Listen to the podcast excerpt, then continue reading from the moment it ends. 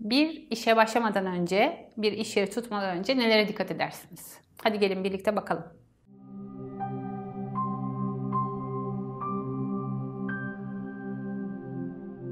Öncelikle bugüne kadar gördüğüm, kendi iş yerlerimi tutarken kendimde de gördüğüm ve çevremde gözlemlediğim bir şeyi sizinle paylaşmak istiyorum.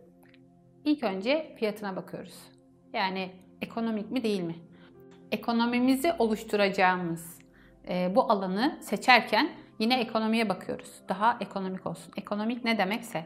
Oysa ki biz burada bereketimizi yaratacağız, hayatımızı idame ettirecek e, birçok konuyu, e, bolluğu burada yaratacağız.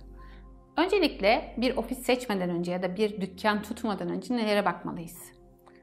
O sokağın adını, o semtin, o ilçenin adını daha önceki videoda paylaşmıştım hatırlarsanız. Şimdi gelelim oraya giderken hangi resimleri seyrederek gidiyoruz? Yani biz iş yerimize giderken veya bir iş yeri tutacağımız zaman hedeflediğimiz kitleyle karşılaştığımız resimler aynı mı? Diyelim ki biz güzel bir sokağın içerisinde harika bir dükkan bulduk ve fiyatı çok yüksek. Amacımız insanların bizim satacağımız ürünleri almak üzere dükkanımıza gelmesi ise eğer o dükkanın fiyatından önce o dükkanın müşteriyi kucaklayıp kucaklamadığına bakmamızdır. Müşterinin kucaklanıp kucaklanmadığına nasıl bakarız? Kendinizi o tarafa doğru çekiliyor mu? Bir test edin. Yani köşe başında mı, ortasında mı, o sokağın neresinde? Siz oraya giderken neleri seyrettiniz? Güzel, güler yüzlü insanlar, yapılmış binalar mı, yarım kalmış binalar, kapatılmış dükkanlar. Bunlara özen gösterirseniz sönmüş ya da hareketli enerjileri fark edebiliriz. Bunlar ne işimize yarayacak? Bir iş yeri tutmadan önce size tavsiyem sokağın ya da caddenin her neresinde olursa olsa bu tarafa yani sağınıza ve solunuza doğru en az 10 binayı gezmeniz. Buralarda neler oluyor? Bu, buralarda işleyen dükkanlar var ve hangi sektörde çalışıyorlar? Diyelim ki siz yiyecek sektöründesiniz. Burada da harika dükkanlar var ama hepsi sizin sektörünüzle alakalı değil. Kapalı depolar şeklinde kullanılıyor. Burada bir durağan enerji var demektir. Burada ihtiyacımız olan şey ne bizim? Hareket getirecek, yemek yemeye gelecek insanlarla birlikte buluşmak. Öyle değil mi? O sokağı okurken burası benim ihtiyacım olan enerjileri, ihtiyacım olan döngüyü e, içeriyor mu diye bakalım. Fiyat, daha fiyata gelmedik bakın. Daha şekline bile gelmedik. Daha sokağın içerisindeyiz. Bizimle karşılaşacağımız enerjileri ve buluşacağımız enerjileri aslında test ediyoruz. Gittik çok güzel. Sokağı bulduk, dükkanı da bulduk. Harika. Orada hiç kimseye haber vermeden, hatta emlakçıyı bile henüz daha aramadan bir gün farklı saatlerde, farklı zamanlarda veya iki gün eğer vaktiniz varsa farklı zamanlarda o bölgeyi tekrar ziyaret edin. Rüzgarı nasıl, güneşi nasıl alıyor? Orada gelen geçen enerjiler neler? Arabalar mı geçiyor, çocuklar mı oynuyor, karşısında e, okul mu var, bir mezarlığa mı yakın yoksa bir e, dini yere mi yakın? Bunlar ne getirecek? Bir çocuk yuvasının hareketliliği, canlılığını, bir mezarlığın durağanlığını, bir caminin ya da kilisenin ya da sinagogun sakinliğini hayatınızda davet ettiğinizi fark ettiğinizde hangi enerjilerle muhatap olacaksınız. Bunu fark edebilirsiniz. Diyelim ki gittik her şey yolunda. Aşırı rüzgar yok. Aşırı rüzgar parayı götürür. E, aşırı duranlık yok. Güzel bir yumuşak bir hareket var. İnsanlar güler yüzlü. İşte hayvanlar, çocuklar gayet dengeli bir enerji. Geldik kapıya baktık. Buranın kapısı nasıl duruyor? Bakımlı mı, bakımsız mı? Daha önce burası bir iş yeri olarak kullanıldıysa en son kullanan kişinin buradan çıkma sebebi ne?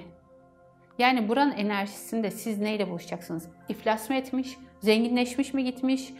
İşini mi büyütmüş? Ortaklar kavga edip ayrılmış mı? İcra mı gelmiş? Bu hikayeyi mutlaka öğrenin. Hatta bana kalırsa bir öncekini de öğrenin. Çünkü oradaki o enerji orada duruyor. Ne yapabiliriz? Çok beğendik, harika. Adam iflas etmiş. Tutmayalım mı? Tutalım.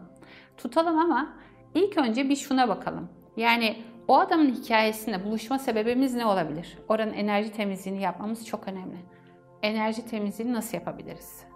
Enerji temizliğini bizim geleneksel yöntemlerimizde Ee, Anadolu'da kullandığımızı biliyorsunuz. Ada çayı tütsüsü yapabiliriz, güzellik tütsüsü yapabiliriz, dua edebiliriz, bir güzel niyetimizi söyleyebiliriz.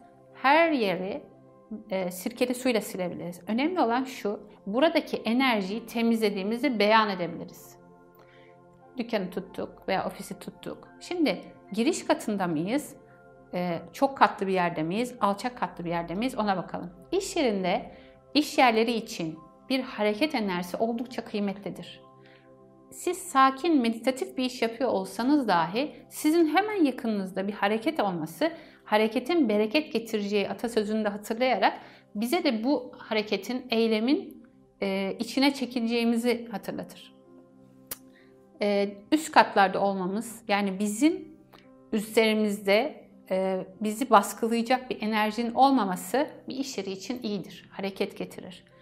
Zemindeysek veya giriş katındaysak bir sokağın, bir caddenin yakınında olmamız iyidir. Çünkü araba ve insan trafiği yine hareket ve işlerimize o bereketi getirir. Çok hızlı yollar, tren yolları, uçakların çok fazla geçip, geçip gittiği yerler bizim için iyi değil. Neden? Baskı altında hissederiz. Sürekli sesin uyardığı iş yerlerinde sakinleşmemiz, kendimizi o işe vermemiz zorlaşır.